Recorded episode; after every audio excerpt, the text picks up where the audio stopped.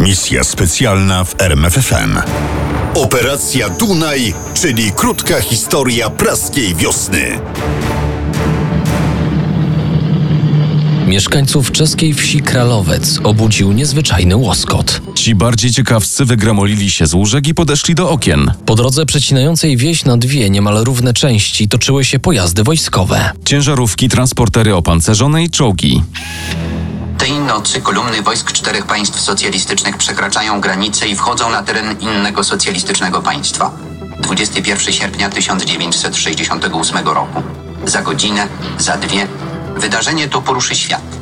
Ci, którym się wydawało, że wyrwanie Czechosłowacji z Układu Warszawskiego to już tylko kwestia czasu, podniosą faryzeuszowski lament. Mówił lektor wedle zaleceń propagandy PRL w filmie dokumentalnym Obrona Jedności. Do północnych Czech wkroczyło 24 tysiące żołnierzy polskich, 647 czołgów, 566 transporterów opancerzonych, 450 dział, 4700 samochodów. i 36 śmigłowców. Nad ranem na lotnisku w Hradcu Kralowe wylądowały pierwsze śmigłowce z komandosami pierwszego samodzielnego batalionu szturmowego. Tak rozpoczynała się inwazja wojsk Układu Warszawskiego na Czechosłowację. Inwazja o kryptonimie Operacja Dunaj. Polska wystawiła drugą co do wielkości armię. Węgrzy i Bułgarzy ograniczyli się do skromnych kontyngentów. Rumuni i Albańczycy odmówili wysłania wojsk. Niemcy z NRD zatrzymali dywizję na granicy. Byli ostrożni. W końcu w 1968 roku mijała 30. rocznica opanowania przez III Rzeszę kraju sudeckiego. Wszelkie skojarzenia z reżimem Hitlera były dla NRD nie do przyjęcia. Największą armię wystawił Związek Radziecki. W sumie do Czechosłowacji weszło 250 tysięcy żołnierzy. Rosjanie też wkraczali. I różnica między nami była bardzo wielka. Bo Rosjanie szli i strzelali. I na wiwat, i tam, gdzie tylko popadło. Mówił pułkownik Maksymilian Korzeniowski w filmie Praga w ogniu. A jednak nie doszło do walk. Inwazja nie przerodziła się w wojnę, na co miał wpływ rozsądny rozkaz generała armii czechosłowackiej Martina Dyzury. Rozsądek generała Dyzury miał brutalną przyczynę. Otóż nad ranem zadzwonił do generała marszałek Andrzej Greczko, minister obrony Związku Radzieckiego. Posłuchajcie mnie uważnie, generale Cura. Gdyby choć jeden czechosłowacki żołnierz oddał choć jeden strzał, osobiście powieszę was na pierwszym lepszym drzewie. Dzura zrozumiał, że wobec takiej groźby najlepiej będzie wojsko czechosłowackie zostawić w koszarach. Po drugiej stronie muru koszarowego rozłożyły się plutony jednostek okupacyjnych Rosjan, Polaków, Węgrów i Bułgarów. Karabiny żołnierzy II Armii Polskiej, bo pod taką nazwą Polacy wleźli do Czechosłowacji, milczały. Ale wciąż były gotowe do strzału. Wzdłuż osi jednej z dróg okalejących obrzeża miasta rozmieszczono czołgi i transportery z lufami zwróconymi w kierunku miasta. Była to więc pokojowa demonstracja siły, która miała raczej oddziaływać na psychikę mieszkańców i wojsk tego garnizonu, niż im zagrażać. Tłumaczył pułkownik Maciej Żytecki z dywizji pancernej. Również spokojne zadania mieli komandosi w czasie wojny zwykle rzucani na najtrudniejszy kierunek. Podczas operacji Dunaj najtrudniejszymi zadaniami było opanowanie lotniska w Hradcu Kralowe i radiostacji. Podjechaliśmy z kotami pod samo ogrodzenie. Brama wejściowa była zamknięta i strzeżona przez Straż Przemysłową. Mówił komandos Kazimierz Bielecki. Nie mieliśmy większego problemu z wkroczeniem na teren rozgłośni. Tylko jeden ze strażników próbował strzelić z pistoletu Skorpion, ale nie zdążył. Został obezwładniony. W budynku było zaledwie pięć, no może sześć osób. Jedni wyglądali na przestraszonych, inni na zdeterminowanych. Wszyscy jednak tłumili w sobie nerwowe napięcie. Czesi nie wiedzieli, czego spodziewać się po Polakach, a Polacy nie wiedzieli, jak zareagują Czesi. Zamykamy radiostację. Nie zniszczymy sprzętu, zabieramy tylko kwarce. Kwarce, czyli rezonator kwarcowy, to najważniejsza część radia, która pozwala nadawać audycje w określonej częstotliwości. Bez niego żadna radiostacja nie zadziała. Wówczas odezwał się kierownik. Zostawicie mi pokwitowanie na te kwarce? Pokwitowania oczywiście nie zostawiłem, o co Czesi mieli do nas pretensje. Inwazja Ludowego Wojska Polskiego na Czechosłowację przebiegała spokojniej niż się spodziewano. Cele osiągnięto już pierwszej nocy i o świcie. Ale jak doszło do inwazji? Dlaczego partie komunistyczne w Moskwie, Warszawie, Berlinie, Budapeszcie i Sofii postanowiły wysłać wojsko do Czechosłowacji? Co działo się w Pradze? W Pradze zakwitła wiosna. Praska wiosna. I to nie spodobało się Breżniewowi. Od samego początku chciałem ci pomóc w tej walce z nowotnym. Mówił Breżniew do Dubczeka. Wierzyłem w ciebie, broniłem cię. Mówiłem, że nasz Sasza to dobry towarzysz.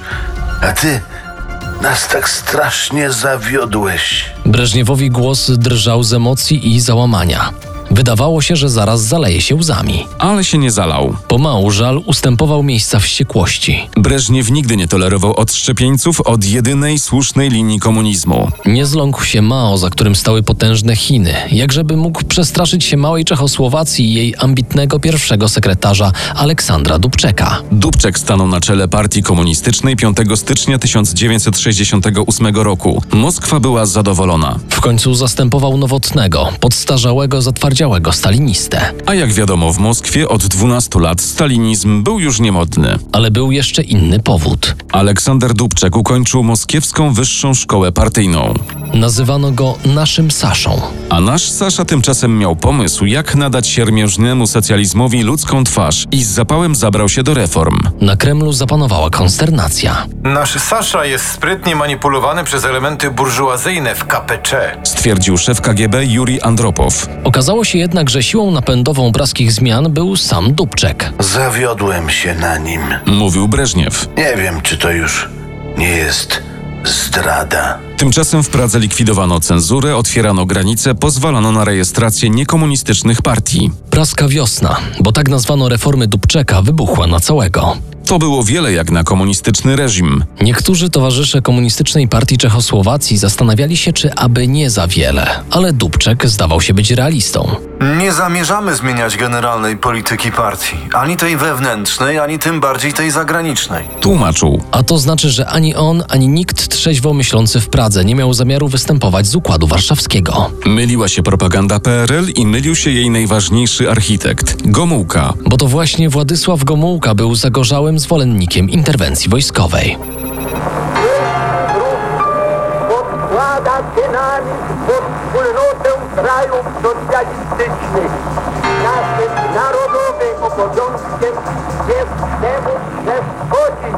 Gomułka się bał. Pamiętał dobrze wydarzenia marcowe. Uznał, a w zasadzie był pewien, że niewiele trzeba, aby hydra kontrrewolucji sięgnęła mackami z nadwełtawy nad Wisłę. W końcu nieprzypadkowo polskie ulice krzyczały. Cała Polska czeka! Na swego czeka! I bał się Walter Ulbricht. I to oni we dwóch najbardziej naciskali na Breżniewa, żeby ruszył armię radziecką przeciw Czechom. Tymczasem Breżniew jeszcze się wahał. On musiał mieć pewność, że nie wplącze się w awanturę, która zaszkodzi jego reputacji, reputacji pierwszego sekretarza KPZR, największej partii komunistycznej świata. A żeby mieć pewność, musiał poprosić o pomoc ludzi z KGB. Zaprosił więc na rozmowę Jurija Andropowa. Musimy wiedzieć, Juriju Władimirowiczu, co wyprawia nasz Saszka w Pradze. Mm, Dotąd nie prowadziliśmy akcji wywiadowczych w krajach demokracji ludowej. To akurat możecie szybko zmienić. Wtrącił Breżniew. Zastanówcie się, czy cała ta praska wiosna to nie sprawka imperialistów. To możliwe. Amerykanie nie przepuściliby takiej okazji, byleby nam tylko dokopać. Tym razem jednak Andropow nie miał racji. Był rok 1968. Amerykanie mieli swoje problemy w Wietnamie. I buntującą się młodzież na ulicach miast. CIA ani żadna inna instytucja amerykańska nie inicjowała politycznych zmian w Czechosłowacji. Wręcz przeciwnie, Waszyngton został zaskoczony rozmachem praskiej wiosny. Meldował szef kontrwywiadu KGB w Waszyngtonie Oleg Kaługin. Andropow znał raporty Kaługina, ale im nie ufał. On był pewien, że jeśli nie CIA, to Brytyjczycy z MI6 bądź Niemcy rozpalili w Pradze płomień wolności. Te podejrzenia skłoniły Andropowa do energicznego działania. Wyślemy do Czech naszych nielegałów z Europy Zachodniej. Mówił do Breżniewa. Odegrają rolę dewizowych turystów. Czesi chętnie rozmawiają z kapitalistami niż z nami.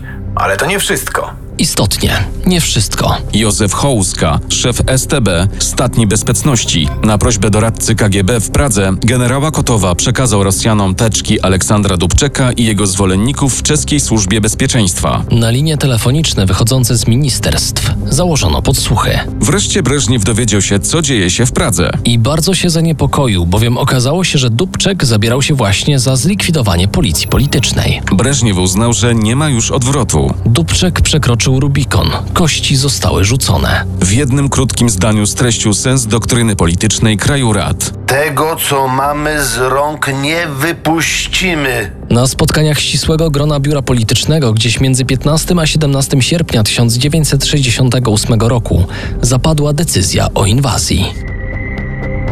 Następnego dnia, czyli 18 sierpnia, do Moskwy zaproszono przywódców czterech zainteresowanych inwazją państw socjalistycznych. Oprócz Węgra i Bułgara pojawił się również Walter Ulbricht z NRD i oczywiście Władysław Gomułka. Towarzysze, Mówił Breżniew. nasi lojalni bracia z KPC, zaniepokojeni rewizjonizmem Dubczeka, proszą nas o pomoc. Czy możemy im odmówić? Oczywiście, nie. Gomułka odetchnął. I sekretarz PZPR naprawdę chciał wysłać Ludowe Wojsko Polskie do Czech. Sam nie mógł tego zrobić. Potrzebował zgody Breżniewa. I właśnie ją otrzymał. Kiedy więc 20 sierpnia około godziny 23 dywizje pancerne II Armii Ludowego Wojska Polskiego wjeżdżały do Czechosłowacji, na lotniskach pod Pragą i Pilznem lądowały samoloty radzieckie z żołnierzami dywizji powietrzno-desantowych. William Szalgowicz, wiceminister spraw wewnętrznych i co najważniejsze, agent KGB, wysyłał wiernych sobie ludzi, by aresztowali zwolenników Dubczeka w rządzie, armii i służbie bezpieczeństwa. Zanim nastał świt, Dubczek i jego lojalni reformatorzy zostali aresztowani i wywiezieni do Moskwy.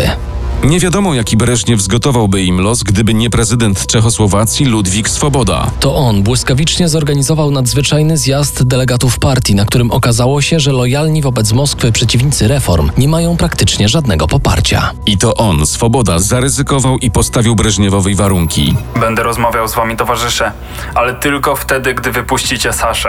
Breżniew się zgodził. Aleksander Dubczek oficjalnie odzyskał wolność, a 23 sierpnia Swoboda wyleciał na rozmowy do Moskwy. Trzy dni później podpisano porozumienie, które do historii przeszło pod nazwą Protokołu Moskiewskiego. Aleksander Dubczek musiał odwołać wszystkie reformy. Przywrócono cenzurę. W organach służby bezpieczeństwa pojawili się starzy, lojalni wobec Moskwy oficerowie, a partia KPCZ musiała pozbyć się niechcianych przez Breżniewa ludzi. Na koniec Dubczek i Swoboda zgodzili się na stacjonowanie w kraju żołnierzy radzieckich. Breżniew wysłał Czechom trzy dywizje pancerne i dwie zmotoryzowane. Rezultaty II wojny światowej są dla nas nienaruszalne i będziemy ich bronić, Tłumaczył. nawet gdyby miało to grozić nowym konfliktem zbrojnym. To był koniec. Koniec praskiej wiosny i koniec czeskiej wolności. Dla ugruntowania porządku wojska okupacyjne, bo tak je nazywano, pozostały w Czechosłowacji jeszcze przez dwa miesiące. Dla polskich żołnierzy to były dwa nudne miesiące służby patrolowej i dłużących się dni w koszarach. A w takich sytuacjach najłatwiejszym sposobem na zabicie nudy jest alkohol. Lało się nie tylko czeskie piwo, ale i polska wódka. 7 września w Liczynie pijany szeregowy Stefan Dorna zabił dwie osoby, kobietę i mężczyznę, i ranił kolejnych siedmioro. Obezwładniony przez kolegów i aresztowany przez oficera wrócił do Polski. Skazano go na karę śmierci. Ale zanim wyrok wykonano, karę śmierci zmieniono najpierw na dożywocie, a potem na 25 lat więzienia. Wyszedł w 83, jak to często bywa za dobre sprawowanie. To były jedyne ofiary, które padły z rąk żołnierzy Ludowego Wojska Polskiego. Pozostali, około 500 rannych i ponad 100 zabitych, były to ofiary żołnierzy radzieckich, wypadków i samobójstw. Straty były również po stronie Ludowego Wojska Polskiego. Zginęło 10 żołnierzy. Sześciu nie potrafiło obchodzić się z bronią, trzej to ofiary wypadków, jeden popełnił samobójstwo. 19 października 68 roku zaczął się powrót żołnierzy polskich do kraju. Czesi żegnali nas kamieniami. Opowiadał pewien komandos. I trudno się było temu dziwić. Czesi dobrze pamiętali, że to Gomułka najbardziej domagał się inwazji. Jak mówią niektórzy historycy, podobno bardziej niż sam Breżniew. Tymczasem Polacy nie podzielali antyczeskiej zatwardziałości Gomułki. Poczuliśmy się bardzo upokorzeni udziałem polskiego żołnierza w tej haniebnej akcji. Pisał Jan Nowak-Jeziorański. A Marian Hemar skomentował to wierszem. Wyprowadzili żołnierza na to czeskie psie pole z nowym hasłem za waszą i naszą niewolę. To była prawda. Operacja Dunaj potwierdziła dominującą pozycję Związku Radzieckiego w obozie krajów tzw. demokracji ludowej. Jaką drogą potoczy się dalej historia Czechów i Słowaków? Pytał narrator filmu Obrona Jedności. Aleksander Dubczek utrzymywał się na fotelu pierwszego sekretarza KPCZ do wiosny 1969 roku. Wyrzucono go w ramach represji po nowej fali protestów, która przetoczyła się przez czeskie miasta z powodu dwóch meczów hokejowych. W Sztokholmie odbywały się hokejowe Mistrzostwa Świata Grupy A, czyli mówiąc językiem dzisiejszym, elity. Formuła mistrzostw zakładała dwa mecze każdego z każdym. Dwa razy więc zagrała Czechosłowacja ze Związkiem Radzieckim. W równych szansach sportowej rywalizacji Czesi i Słowacy odpłacili Rosjanom za okupację, Pierwszy mecz wygrali 2-0. a w rewanżu poprawili wygrywając 4 do 3. Je tu senzace mistrovství světa 1969 a první velká odplata za okupaci v srpnu předchozího roku. Československo vítězí nad Sovětským svazem 2-0. Misja specjalna w RMFFM. Na tropie największych tajemnic historii.